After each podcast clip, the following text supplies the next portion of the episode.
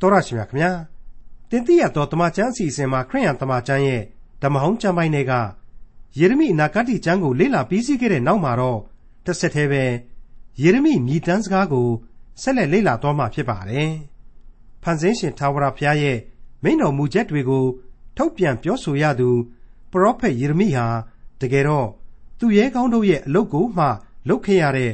သဘောထားပျော်ပြောင်းသူတူဘဝလိုအင်မပြည့်စုံသူတူ အထီးကျန်ဖြစ်ခဲ့ရသူတူဖြစ်ပါတယ်။ဒါပေမဲ့ဖျားရှင်ခံထားတဲ့ပရောဖက်အရာကို မခံယူမဟောမပြောဘဲနေပြန်တော့နှလုံးသားမှာလောင်မြိုက်ခံစားရသလိုအယိုးတွေဟာချုပ်ထားသလိုခံစားရတဲ့ပရောဖက်ယေရမိဟာဖြင့်ဘာကြောင့်ညီးတွားမြည်တမ်းခဲ့ရပါသလဲ။ခရိယန်သမာကျမ်းရဲ့ဓမ္မဟောင်းကျမ်းပိုင်းတွေကယေရမိမြည်တမ်းစကားကိုမလေ့လာမီ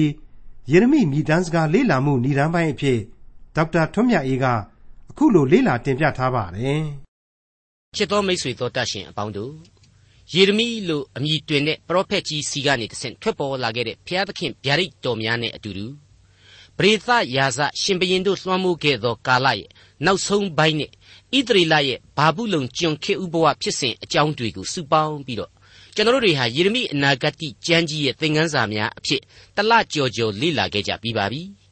ဒီကနေ့ဒီအချိန်မှာဆက်လက်လေ့လာဖို့ကြံရှိနေတာကတော့ယေရမိပရောဖက်ကြီးရဲ့မြည်တမ်းစကားလို့ဆိုထားတဲ့ Lamentations ခေါ်နှုတ်ကပတ်တော်ရဲ့ကျမ်းငယ်ကျမ်းတူတစ်ခုပဲဖြစ်ပါတယ်ဒီမြည်တမ်းခြင်းကျမ်းဟာကျမ်းငယ်လို့သာပြောရတယ်တူသာတူတယ်သူ့အနေနဲ့သူတော့အတော်ကလေးအရေးရောက်တဲ့ကျမ်းဖြစ်တယ်ဆိုတာကိုကျွန်တော်ဒီကျမ်းကိုလေ့လာရင်ခန်းစားသွားကြမှာဖြစ်တယ်လို့ကျွန်တော်ခံယူမိပါတယ်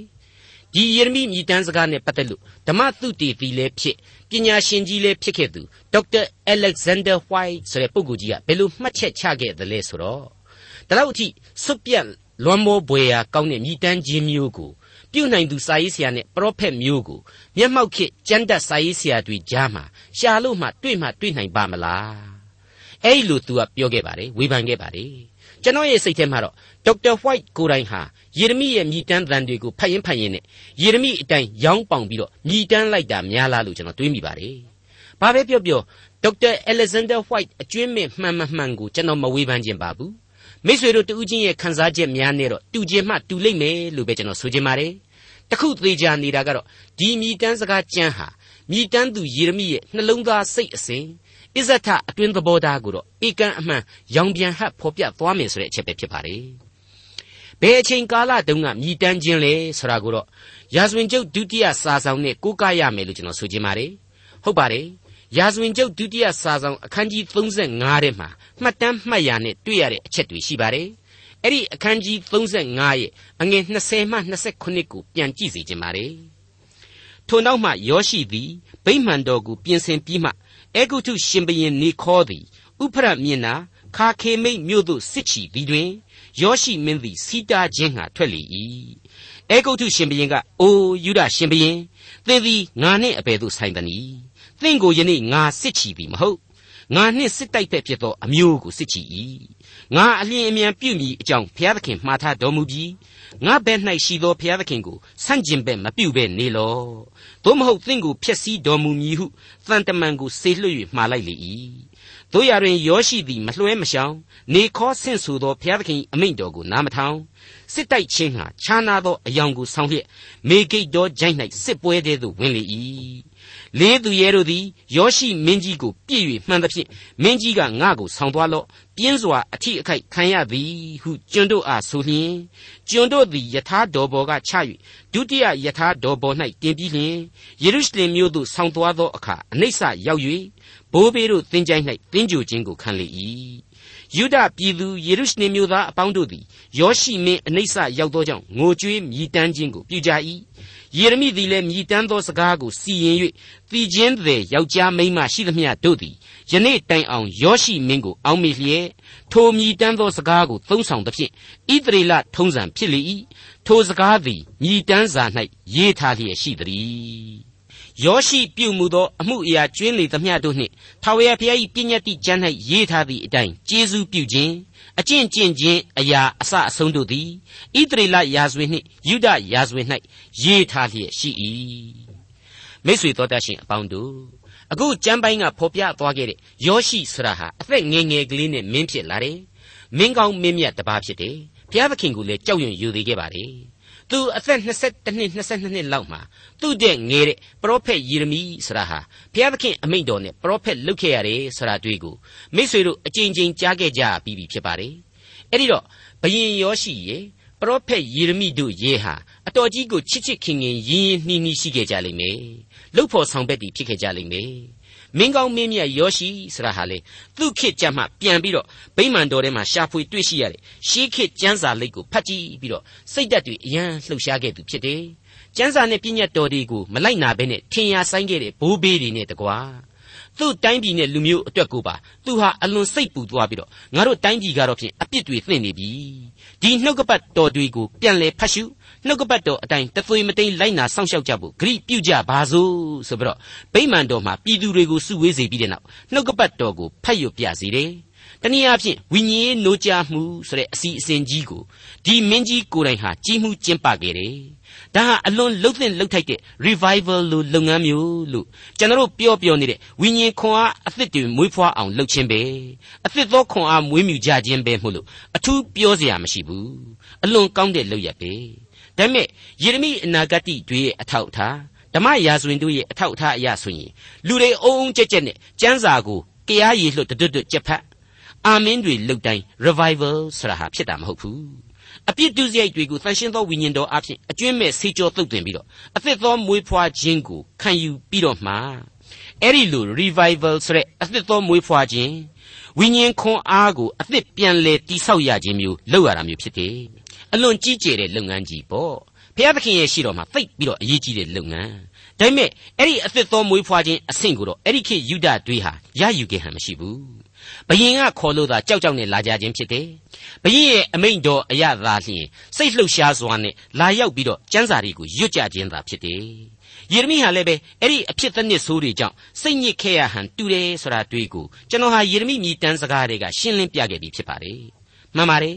ဓမ္မရာဇဝင်သရုတ်ထစာဆောင်ဖော်ပြချက်တွေအရဆိုရင်အဲ့ဒီလို revival လုပ်နေတဲ့ဗိမှန်တော်ကြီးပေါ်အထိနတ်ကိုးကွယ်မှုတွေဟာတက်ပြီးရောနှောရှက်တင်ဖြစ်ခဲ့တယ်။တွေးရောရှက်တင်ဖြစ်ခဲ့တယ်ဆိုတာတွေ့ကိုအမခန်းလိလိကျွန်တော်တို့တွေ့ကြရပြီးဖြစ်ပါတယ်။ ဓမ္မရာဇဝင်သရုတ်ထစာဆောင်အခန်းကြီး23အငယ်1ကနေ9အထိဖတ်လိုက်လို့ရှိရင်အဲ့ဒီလက္ခဏာဇိုးတွေကိုအခုလိုပြန်ပြီးတွေ့ရမှာပါ။ထိုအခါ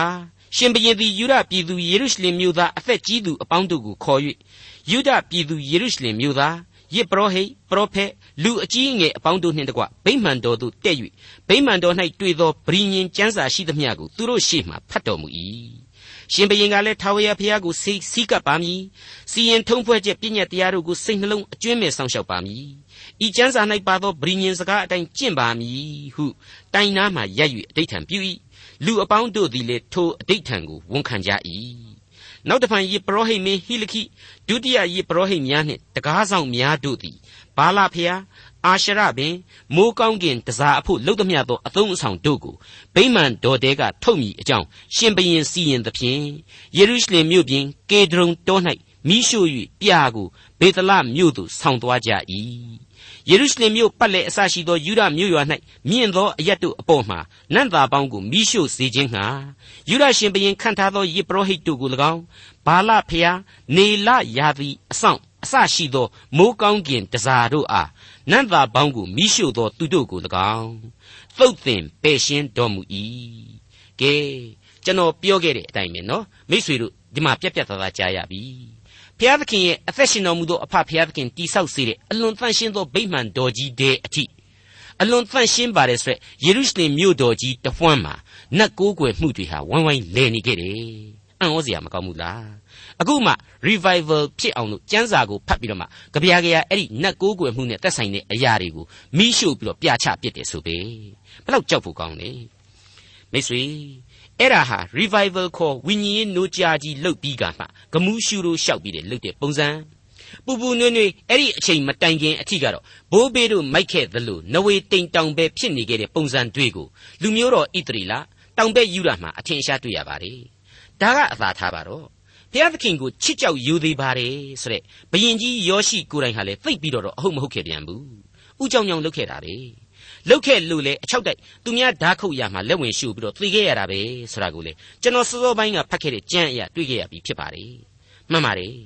အဲဂုတ်ထုဆိုတဲ့အီဂျစ်ဘုရင်နေခေါ်ဆိုတာကဟိုးသူနဲ့ဘာမှမဆိုင်ဘူးအဝေးကြီးဖြစ်တဲ့ဥဖရတ်မြစ်နာကအာရှုရိတွေကိုစစ်တိုက်ဖို့အတွက်နေဇက်ကဖြတ်သွားတယ်။ तू ကအဲ့ဒါကိုမစီမဆိုင်သွားပြီးတော့တားတယ်။ အဲ့တော့နေခေါ်ဘုရင်ကနေပြီးတော့အဆွေတော်ယောရှိခမရမတားနဲ့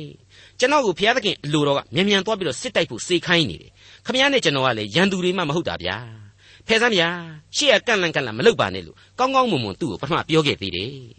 အဲ့ဒါကိုဒီလိုစိတ်ရေးကိစ္စစိတ်ရေးကိစ္စကြီးအရေးတကြီးရင်ဆိုင်ကြည့်မှာယောရှိဟာဘာမှဂယုမစိုက်ဖ ೇನೆ ဇွတ်အတင်းဝင်တာတော့ဟိုကမြန်းနဲ့လှမ်းပစ်လိုက်တာတကယ်အချောက်တိုက်အဲ့ဒီမှာသေဖို့ဝင်ရပါလေရော အဲ့ဒါနဲ့ပဲယောရှိဘုရင်ရဲ့အလောင်းကိုမြို့တော်ကိုပြန်ယူပြီးတော့တင်းကြိုတဲ့အချိန်မှာယေရမိဟာသူ့မိတ်ဆွေကြီးအတွက်ညီးတွားမြည်တမ်းစကားကိုပြောခဲ့တယ်ဒါတွေကိုအခုကျမ်းထဲမှာထည့်သွင်းထားကြောင်းကိုလေရာဇဝင်ကမှတ်တမ်းတင်ထားတာကိုတွေ့ရပါတယ်မိတ်ဆွေအပေါင်းတို့အဲ့ဒီလိုကမောက်ကမာတွေဖြစ်ရတာဟာတကယ်တော့ဣသရေလဘိုးဘေးတို့ရဲ့အတိတ်ကာလကအပြစ်ဒုစရိုက်အမွေဆိုးတွေပဲအဆိုးဆုံးကတော့ဘုရားသခင်ကိုမကိုးကွယ်ခြင်းအပြစ်ပဲဆိုတာကိုဓမ္မရာဇဝင်မှတ်တမ်းများအရာကျွန်တော်နားလည်ရပါတယ် ဥပမာဆိုရရင်ယောရှိမင်းလက်ထက်မှာကောင်းရကောင်းကျိုးလုပ်ပင်လုပ်စီကားမူမနာရှေဆိုတဲ့ယောရှိရဲ့ဖခင်မင်းဆိုးမင်းကြီးရဲ့အရေးမဲကြီးဟာ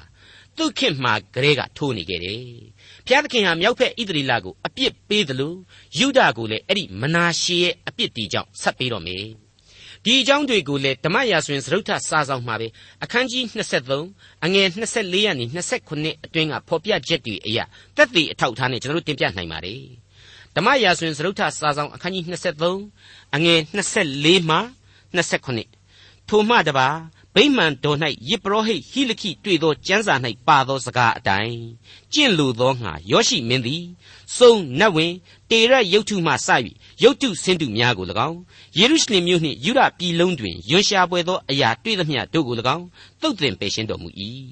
မောရှေတရား၌ပါသမျှကိုကျင့်သဖြင့်စိတ်နှလုံးအကျွင့်မဲ့အစွန်းတတ္တိရှိသမျှနှင့်ထာဝရဘုရားအထံတော်သို့ပြောင်းလဲ၍ယောရှိမင်းနှင့်တူသောရှင်ဘရင်တယောက်မျှမဖြစ်စဘူးနောင်ကာလ၌လည်းမပေါ်မရှိတို့ရတွင်မနာရှိသည်ထာဝရဘုရား၏အမျက်တော်ကိုနှိုးဆော်ခြင်းဟာ ပြစ်မှားသောအပြစ်ရှိသမျှတို့ကြောင့်ယူရအမျိုး၌ပြင်းစွာအမျက်ထွက်၍စိတ်တော်မပြေဣသရေလအမျိုးကိုငါမျက်မှောက်မှပယ်ရှားသကဲ့သို့ယူဒအမျိုးကိုလည်းငါပယ်ရှားမည်ငါရွေးချယ်သောယေရုရှလင်မြို့ကို၎င်းအကျင့်ဗိမှန်၌ငါနာမကိုငါတည်စေမည်ဟုငါဆိုသောဗိမှန်ကို၎င်းငါစွန့်ပစ်မည်ဟုမိန့်တော်မူ၏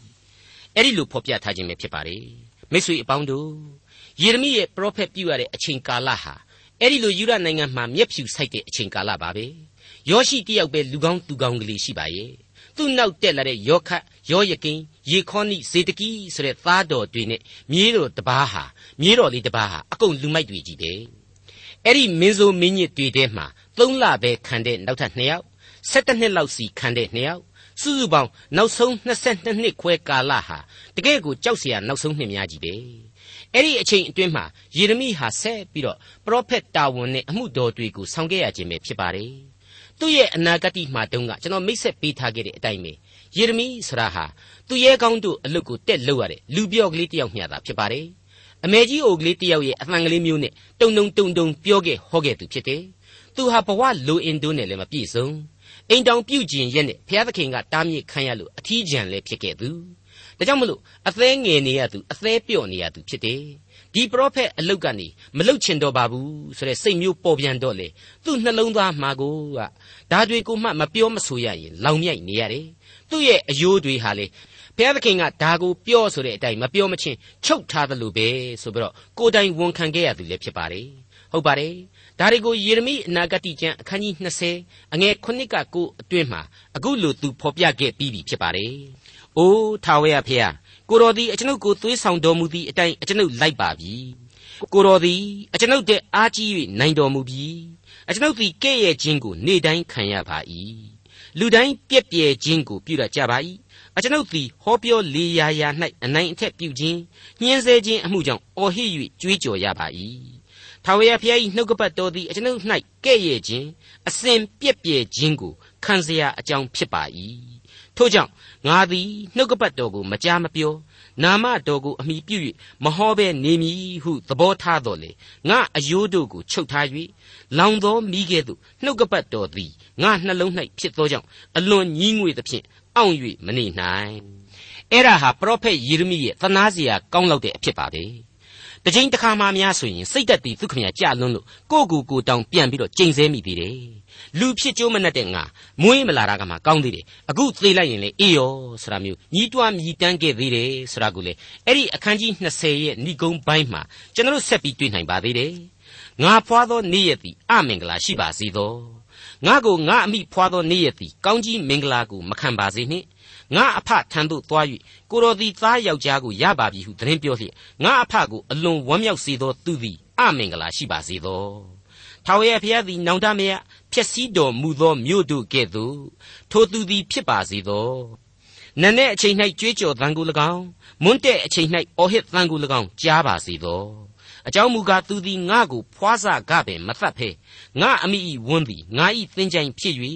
ငါကိုအစဉ်ကိုဝန်ဆောင်မည်အကြောင်းမပြုဘဲနေပါသည်တကား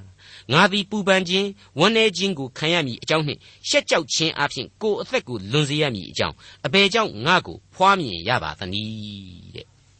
အမှန်တကယ်လဲပရောဖက်ကြီးယေရမိရဲ့ဘဝတစ်ချက်မှမသက်သာလှတာကိုကျွန်တော်တို့တွေ့နေရပါတယ်ယောရှိကလွဲလို့ဘယင်နေမှန်သမျှဟာစာရန်ဘက်တော်သားတွေ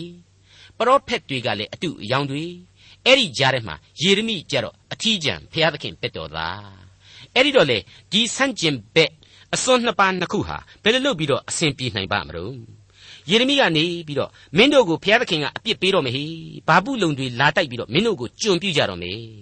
အဲ့တော့ဘုရားသခင်အမိန့်တော်နဲ့လာမယ့်ရန်သူတွေကိုခံတိုက်ဖို့လဲစိတ်မကူနဲ့အသာတကြီးအလျှော့ပေးပြီးတော့လက်မြောက်အရှုံးပေးလိုက်ကြလက်မမြောက်ပဲခံပြီးတော့ချမယ်ဆိုရင်လေကိုယ်ပဲပို့ပြီးတော့အထိနားလိမ့်မယ်စသည်စသဖြင့်ပြောတဲ့အချိန်မှာအကုန်လုံးကနားခါကြတယ် ဒီယေရမိဆိုတဲ့ကောင်ဒီယေရမိဆိုတဲ့ပရောဖက်ပြောလိုက်မှဖြင့်နမိတ်မရှိနမာမရှိတွေကြီးပဲဆိုပြီးတော့ဝိုင်းပြီးတော့အမြင်ကတ်တဲ့သူ့အကြံကိုမကြားကျင်လောက်အောင်နားခါကြတဲ့အဲ့ဒီလိုဘုရားသခင်ဗျာဒိတ်အစိတ်အမှန်ကိုသာယူရလူတွေဟာမကြိုက်ကြတာလူလိန်တွေကိုကျတော့သိသဘောကြတယ်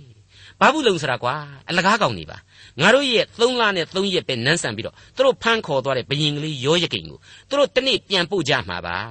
ဘယင်ကိုပြန်ပို့ယုံတာမကသေးဘူးဗိမာန်တော်ကြီးကဖြုတ်ပြီးတော့လူသွားတဲ့ရွှေတွေငွေတွေကြေးတစားတွေအကုန်လုံးကိုလေသူတို့ငါတို့ကိုတောင်းတောင်းပန်ပန်နဲ့ပြန်ပြီးတော့လာပြန်ပေးကြမှာပါကွာလွန်ရောကျွံရောစောင့်ကြည့်နှစ်နှစ်ပဲစောင့်ရလိမ့်မယ်ပျော်ပျော်ကြီးသာစောင့်ပြီးတော့ကြည်ကြပြီးတော့ဆိုပြီးတော့ပြောတဲ့ပရောဖက်အတုအယောင်တွေကိုကျတော့သိသဘောကြတယ်လက်ခုပ်လက်ဝါးတီးပြီးတော့ထောက်ခံကြတယ်အဲ့ဒီလိုမပြောတဲ့ယေရမိကိုကျတော့ဝိုင်းပြီးတော့မုန်းကြတယ်မထူးဆန်းဘူးလားအဲ့ဒါနဲ့ပဲယေရမိခမရမှာအမှန်တွေကိုပြောလွန်အားကြီးပြီးတော့အမုန်းခံရတယ် ခဲနဲ့ပေါက်တာထိတ်တုံးခတ်တာမြေတွင်းနဲ့ထဲတာနင်းနှင်းတာအကျယ်ကျုပ်ခံရတာစသဖြင့်ဒုက္ခတွေပင်လယ်ဝေခဲ့ရရှာပါတယ်တိုင်းပြည်ကိုမနာစေခြင်းတဲ့စိတ်စေတနာကတစ်ဖက်အဲ့ဒီလိုသူမနာစေခြင်းနဲ့သူချစ်တဲ့တိုင်းပြည်ကြီးတစ်ဖက်ကပြက်နေတာကိုကြည်ရင်နဲ့ခံစားရတဲ့ဝေဒနာကတစ်ဖက်ဘယ်ဘက်ကမှမသက်သာနိုင်ခဲ့ရှာပါဘူး အဲ့ဒီလိုဘဝမျိုးမှာနေခဲ့ရတဲ့လူရဲ့ရင်တွင်းခံစားခြင်းနဲ့ညီးတွားမြည်တမ်းသံတွေဟာဘလောက်ထိအရှိန်ပြင်းထန်လိမ့်မယ်အတိတ်ပဲဘလောက်ထိနှက်ဆိုင်လိမ့်မယ်ဆိုတာတွေ့ကြတော့အထူးပြောဖို့လိုလိမ့်မယ်မထင်ပါဘူးဒီလိုအခြေအနေအမျိုးမျိုးတွေထဲမှာမှသူလိုပရောဖက်ကြီးအဆင့်နဲ့ခံစားရဝေဒနာတွေငိုကြွေးမြည်တမ်းရတာတွေဟာလေတကူတော်ဆန်းဆန်းပဲဖြစ်လိမ့်မယ်လို့ကျွန်တော်ခံယူပါတယ်ဘာဖြစ်လို့လဲဆိုတော့လောကကြီးမှာရေမောတဲ့အချိန်မှသာလူအများဟာလိုက်လံပြီးတော့ရေမောတတ်ကြတာ လူတယောက်ငိုကြွေးရတဲ့အချိန်များမှာတော့အဖော်ရှိခဲ့တယ်ဆိုတဲ့သဘောတရားကိုကျွန်တော်တို့မြင်နိုင်လို့ပဲဖြစ်ပါတယ်ဒီနေ့ဒီချိန်မှာဆိုရင်သတင်းစာတွေထဲမှာလူတယောက်ယောက်ကွယ်လွန်တဲ့အခါတိုင်းမှာကြံရစ်သူမိသားစုနဲ့ကျွန်တော်တို့တော့ထတ်တူထတ်မြဝန်းနေပါတယ်ခင်ဗျာဆိုပြီးတော့ကြော်ညာတာတွေတွေ့ရပါတယ်အမှန်တော့ဒါဟာလောကဝတ်ပါပဲလောကုတ်ပါပဲကာယကံရှင်ရဲ့နှလုံးသဲပုတ်တဲ့ကဝေဒနာအတိုင်းကိုတော့အခြားဘသူကမှထတ်တူနားလေခံစားနိုင်မှာမဟုတ်တာအသိချပါ ဒါမဲ့ဘာပဲပြောပြောယေရမိရဲ့အထီးကျန်ဒီအခြေအနေကြားထဲမှာဘုရားသခင်သူ့ဘက်မှာရှိခဲ့ပါတယ်ဘုရားသခင်သူ့ရဲ့နှလုံးသားစိတ်အစဉ်ကိုသိခဲ့ပါတယ်ဒါကြောင့်မို့လေယေရမိကိုဘုရားသခင်ဟာကာကွယ်ပေးထားခဲ့တယ်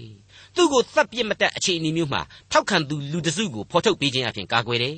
တွင်းထဲမှာချထားတဲ့အချိန်မှာဆွဲထုတ်ပေးဖို့ရန်စေတနာရှင်တိုင်းတပါအမျိုးသားတယောက်ကိုတမင်တကာဆေလွှတ်ပေးခဲ့တယ် အင်မတန်ရက်ဆက်ကြမ်းကြုတ်တဲ့ဘရင်ဇေဒကိကိုသူ့ကိုအားကိုးလာစေခဲ့တယ်။စသည်စသဖြင့်ဤအမျိုးစုံနဲ့ကယ်ဆယ်ပေးခဲ့တယ်ဆိုတာကိုတွေ့ရပါတယ်။ဒါဟာကျေးဇူးတော်တသက်ပါ။ဟုတ်ပါတယ်။ အဖဖျားသခင်ကသူစေခိုင်းတဲ့အလုပ်တစ်ခုကိုပြီးမြောက်စေဖို့ရန်အတွက်သူလိုချင်တဲ့လူကိုခေါ်ပြီးတော့သုံးပြီဆိုရင်အဲ့ဒီလူကိုသူစိတ်ကြိုက်ပုံစံချပြီးတော့စိတ်တိုင်းကြလေအသုံးပြုသွားစမြဲပဲဖြစ်တယ်ဆိုတာကိုဟေရှာယယေရမိတို့အပါအဝင်သမိုင်းဝင်ခေါင်းဆောင်များတို့ရဲ့အကြောင်းကိုစဉ်းစားလိုက်ယုံနဲ့အဖြေဟာဒိုင်းငနဲ့ပေါ်နေပါလေမိတ်ဆွေအပေါင်းတို့ လူငယ်ကလေးတွေရဲ့ညီလာခံကြီးတစ်ခုမှာလူငယ်ကလေးတွေအလုတ်အကန်ရှာဖွေရေးနဲ့ပတ်သက်ပြီးတော့သူတို့ရဲ့ဘဝအသက်မွေးကြောင်းနဲ့ပတ်သက်ပြီးတော့ကိုပျော်ရွှင်ဝမ်းမြောက်စွာလုပ်ရတဲ့အလုတ်တွေကိုသာရွေးပြီးလုပ်အောင်မြင်ကြလိမ့်မယ်ဆိုတဲ့အယူအဆကိုအဲ့ဒီလူငယ်လေးတွေဟာတူပြိုင်လက်ခံကြတယ်ဆိုတာကိုတွေ့ရပါတယ်ဟုတ်တာပေါ့ကိုဝါသနာပါရင်စိတ်ချမ်းသာစွာအလုပ်လုပ်ရတယ်အောင်လဲအောင်မြင်လိမ့်မယ်ဆိုတာဟာသဘာဝအများကြီးကြပါတယ်ဒါပေမဲ့ဘုရားသခင်နဲ့ကြတော့နော်အဲ့ဒီသဘာဝတရားနဲ့တွားပြီးတော့တွေ့လို့မရတော့ဘူး ဒီသဘာဝတရားကိုဖန်တီးသူအုပ်ဆိုးသူလိုအပ်ရင်ဖြတ်တောင်ဖြတ်ပြစ်နိုင်သူရဲ့အလုပ်ဖြစ်သွားပြီမဟုတ်ဘူးလားကို့ပျော်ရွှင်မှုကို့အလိုတွေကြည့်မပြီးတော့ဘဲနဲ့သူ့အလိုတော်အတိုင်းဖြစ်ရလိမ့်မယ်နှုတ်ကပတ်တော်အတိုင်းလည်းဖြစ်ရလိမ့်မယ်ဆိုတာဒီပါဝင်လာပါတယ်ဒါနဲ့ပတ်သက်ပြီးတော့ယေရမိကိုယ်တိုင်သူ့ရဲ့အနာဂတ်ကျမ်းအခန်းကြီး15အငယ်15နဲ့16မှာဖော်ပြချက်ရှိပါသေးတယ်။အိုးထာဝရဖေဟာကိုတော်သည်သိတော်မူ၏။ အကျွန်ုပ်ကိုအောက်မေ့လျက်အကြည့်အရှုကြွလာ၍အကျွန်ုပ်ကိုညှင်းဆဲသောသူတို့ကိုတရားသဖြင့်ဒဏ်ပေးတော်မူပါသူတို့ကိုတီးခံ၍အကျွန်ုပ်ကိုတုတ်တင်ပယ်ရှင်းတော်မမူပါနှင့်အကျွန်ုပ်သည်ကိုတော်အတွက်ကဲ့ရဲ့ခြင်းကိုခံရကြောင်းကိုအောက်မေ့တော်မူပါကောင်းကင်ဘုရားအရှင်ဘုရားသခင်ထာဝရဘုရားအကျွန်ုပ်တွေ့သောနှုတ်ကပတ်တော်စကားကိုခံယူပါပြီနှုတ်ကပတ်တော်သည်အကျွန်ုပ်ဝမ်းမြောက်ရှင်လန်းစရာအကြောင်းဖြစ်ပါ၏နာမတော်ဖြင့်အကျွန်ုပ်ကိုခေါ်ဝေါ်ပါ၏ ပွဲခံသောသူအစည်းအဝေး၌အကျွန်ုပ်မထိုင်ပါပျော်ရွှင်ခြင်းအမှုကိုမပြုပါလက်တင်တော်မူသောကြောင့်တယောက်ကြီးထိုင်ပါပြီအကျွန်ုပ်ကိုဒေါသအမျက်နှင့်ပြည့်စေတော်မူပြီးအကျွန်ုပ်ခံရသောဝေဒနာသည်အဘယ်ကြောင့်မြဲပါသနည်းမပြောက်လို့မပြောက်နိုင်သောအနာကိုအဘယ်ကြောင့်ခံရပါသနည်းအကယ်စင်စစ်ကိုတော်သည်ပျောက်တတ်၏လှည့်စားသောရေကဲ့သို့အကျွန်ုပ်၌ဖြစ်တော်မူပါပြီတကားယေရမိရဲ့အဲ့ဒီညီးတွားမြည်တမ်းသောအနာဂတ်ကျမ်းကလေးထဲမှာအဓိကအချက်ကတော့ အကျွန်ုပ်တွေ့သောနှုတ်ကပတ်တော်စကားကိုခံယူပါပြီတဲ့ပြီးတော့နှုတ်ကပတ်တော်သည်အကျွန်ုပ်ဝမ်းမြောက်ရှင်လန်းစရာအကြောင်းဖြစ်ပါ၏တဲ့ပြီးတော့မှဆက်ထားတာရှိသေးတယ်ပွဲခံသောသူအစည်းအဝေး၌အကျွန်ုပ်မထိုင်ပါပျော်ရွှင်ခြင်းအမှုကိုမပြုပါတဲ့ရှင်းနေတာပဲမဟုတ်ဘူးလားဒီသင်သိရသောသမာကျမ်းရဲ့မူရင်းပြုစုသူဆရာကြီးဒေါက်တာဂျေဗန်နန်မက်ဂီယာလေသူ့အမြင်ကိုဖော်ပြထားတဲ့နေရာမှာယေရမိလိုကိုခေတ်ကိုသမိုင်းကိုလူအဖွဲ့အစည်းအတွက်ခန်းစားချက်ပြင်းပြမှုမျိုးဟာ အခုအချိန်ကာလမှာသိပ်ပြီးတော့လျော့ပါနေပြီကိုနေသာဖို့အစားချောင်ဖို့အမျက်ရဖို့ဆိုတဲ့ပရောဖက်အတူအယောင်စိတ်ဓာတ်တွေကသာလူကဘာကိုသွမ်းမှုနေပြီရုပ်စွာအဆုံးကမ္ဘာနိုင်ငံရေးခေါင်းဆောင်ကြီးတွေအေယာမသိပ္ပံပညာရှင်ကြီးတွေအတွေ့အခေါ်ပညာရှင်ကြီးတွေတဲမှာတောင်းမှအဲ့ဒီလိုယေရမိလိုကိုယ့်ရဲ့လောကကြီးတစ်ခုလုံးအတွက်အသေးခိုက်ခိုက်တုံလောက်အောင်ခန်းစားတတ်တဲ့နှလုံးသားတွေကင်းမဲ့နေကြပြီ ကိုယ့်ဘက်ကိုရက်ပြီးတော့ကိုယ်အစဉ်ပြေဖို့သာကြည်ကြက်လုံနေကြပြီဆိုပြီးတော့သူ့အတွေးကိုထည့်သွင်းဖော်ပြထားပါတယ်မိတ်ဆွေအပေါင်းတို့ယေရမိအနာဂတ်ကျမ်းဟာဝန်း내ကြေကွဲစွာဆက်ဆိုတဲ့ကျမ်းပိုင်းအခန်းကြီး9ခုနဲ့ဖွဲ့ဆိုထားပါတယ်ဟုတ်ပါတယ်ဝန်း내ခြင်းဆာလံများလို့ဆိုနိုင်တယ်နာကျင်ခြင်းသုတ်တံများဆိုရင်လည်းရတယ်ငိုရှိုက်ခြင်းနဲ့ဆက်ဆိုရာတေးကြပြာများဆိုပြီးတော့ဖော်ပြရင်လည်းမမှားဘူးရင်ဖွင့်ခြင်းစာညွန့်လို့ပြောမယ်ဆိုရင်လေရမှာပဲလို့ကျွန်တော်ဆိုချင်ပါတယ် အခုခေတ်ယေရုရှလင်မြို့တော်ကြီးနားမှာအထင်ရှားရှိနေတဲ့ Wailing Wall လို့ခေါ်တဲ့ငိုကြွေးမြည်တမ်းရာနယံကြီးအကြောင်းကိုမိษွေတို့ကြားဘူးကြမယ်လို့ကျွန်တော်ထင်ပါတယ်အဲ့ဒီလိုပါပဲနှုတ်ကပတ်တော်ဆိုတဲ့အသက်လန်းစာပေတဲမှာတော့ဒီယေရမိမြည်တမ်းစကားဟာ Wailing Wall ပဲငိုကြွေးမြည်တမ်းရာနယံကြီးပဲအဲ့ဒီလိုကျွန်တော်ဆိုပြရစီမိษွေအပေါင်းတို့ယေရမိအကြောင်းကိုနားလည်ဖို့အတော်ခက်တယ်ဒါပေမဲ့အဲ့ဒီလိုနားမလည်နိုင်ခြင်းနဲ့ပဲသူ့ကိုလေးစားဖို့ရဲ့ သူ့အပြင်ခြားထားတော်မူတဲ့နှုတ်ကပတ်တော်တို့ကိုလက်ခံဖို့ရဆိုတာကြတော့မခက်ပါဘူးသူ့ကိုအလေးပြုရမယ်သူ့ရဲ့အနာဂတ်တို့ရဲ့ဝိညာဉ်အနှစ်သာရများကိုရယူခံစားကြလိမ့်မယ်လို့ကျွန်တော်တို့သင်သိရသောတမန်ကျန်အဖွဲ့ကတော့ရိုးရိုးလေးပဲခံယူထားပါတယ်မှန်ပါတယ်မိတ်ဆွေတို့အခုကျွန်တော်တို့ရှေ့လျှောက်လေ့လာဖို့ရှိနေတဲ့ယေရမိမြည်တမ်းစကားဟာဆိုရင်ကျွန်တော်တို့မိတ်ဆွေတို့လူသားများအားလုံးအဖို့နားဆွင့်ထောင်ရန်ဖြစ်တဲ့ဣသရေလအားလုံးတို့ကိုစား ပေါ်ထွက်လာသောငိုကြွေးမြည်တမ်းခြင်းအသံတွေပဲလို့ကျွန်တော်ဆိုချင်ပါတယ်။ဒါကြောင့်လည်းဒီအကျမ်းရဲ့အခန်းကြီး1အငယ်16မှာအခုလိုဆိုထားပါတယ်။ထာဝရဘုရားသည်တရားသဖြင့်စီရင်တော်မူ၏။ငါသည်ပြည့်ညတ်တော်ကိုကျူးလွန်မိပြီ။လူမျိုးခတ်သိမ်းတို့နားထောင်၍ငါ၏ဒုက္ခကိုဆင်ခြင်ကြပါလော့တဲ့။မိတ်ဆွေအပေါင်းတို့ယေရမိဟာအသံဆာဆာဆာဆာနဲ့ငိုကြွေးမြည်တမ်းနေခြင်းမှာ သူ့မျက်စိအောက်မှာတင်ယေရုရှလင်မြို့တော်ကြီးနဲ့ဗိမာန်တော်ကြီးတို့ဟာတစစီတစ်ဖက်စီပြက်သုံးသွားနေတာကိုတွေ့ရပါတယ်။ဒါဟာလူမျိုးတော်အတွက်တရားစီရင်ခဲ့ခြင်းကိုဖော်ပြထားတဲ့သမိုင်းမှတ်တိုင်ပဲဖြစ်ပါတယ်။ယေရမိရဲ့နောက်ပိုင်းနှစ်600ကျော်အချိန်လောက်မှာတော့အဲ့ဒီလိုပဲယေရုရှလင်မြို့တော်နဲ့ဗိမာန်တော်ကြီးအတွက်မျက်ရည်ကျရတဲ့သူတစ်ယောက်ရှိခဲ့ပြန်ပါသေးတယ်။သူကတော့ကယ်တင်ရှင်သခင်ခရစ်တော်ပါ။မိတ်ဆွေတို့ကယ်တင်ရှင်ရဲ့အဲ့ဒီလိုမျက်ရည်များကျဆင်းနေတဲ့အချိန်မှာ အသက်တိဆောက်ထားတဲ့ဒီမြို့တော်နဲ့ဒီဗိမ္မာန်တော်ကြီးတို့ဟာမကြိုးမပဲ့သေးပါဘူးမပြည့်စည်ခဲ့သေးပါဘူးဘာကြောင့်သခင်မျက်ရည်ကျခဲ့ရပါသလဲရှင်းနေပါတယ်အလွန်ကြောက်မဲ့ဖွယ်ကောင်းသောကပ်ကာလဒုက္ခဆင်းရဲခြင်းကြီးနဲ့တကွလူမျိုးခတ်သိမ်းတို့ကိုစီရင်ရမည့်ကာလကြီးတစ်ခုဟာရှိနေသေးတယ်သူချထားပေးတဲ့အသက်လမ်းသူပြင်ဆင်ပေးထားတဲ့ကယ်တင်ခြင်းကျေးဇူးတော်ကိုပမာမခန့်ပြုသူတွေသူပြုစုကျွေးမွေးထားတဲ့ကြားကသူ့ကိုပုံကန်တဲ့သားသမီးတွေအတွက်အဲ့ဒီမျက်ရည်တွေဟာ ကြိုတင်ကြဆင်ခဲ့ရခြင်းပဲဖြစ်တယ်သူ့ရဲ့ဒုတိယအကြိမ်ကြွလာတော်မူခြင်းအကြောင်းကိုကြိုတင်ဗျာဒိတ်ပြုဖော်ပြသွားသောမျက်ရည်များပဲလို့တင်စားရင်းနဲ့ယေရမိမြည်တမ်းစကားကိုကြိုတင်မိတ်ဆက်ထားပါရစေခင်ဗျာဒေါက်တာထွန်းမြတ်ရေးစီစဉ်တင်ဆက်တဲ့တင်ပြရတော်တမချန်းအစီအစဉ်ဖြစ်ပါတယ်နောက်တစ်ချိန်အစီအစဉ်မှာခရိယံတမချန်းရဲ့ဓမ္မဟောင်းကျမ်းပိုင်းတွေကယေရမိမြည်တမ်းစကားအခန်းကြီး1နဲ့အခန်းကြီး2တို့ကိုလေ့လာမှာဖြစ်တဲ့အတွက် စောင့်မျှော်နားဆင်နိုင်ပါတယ်။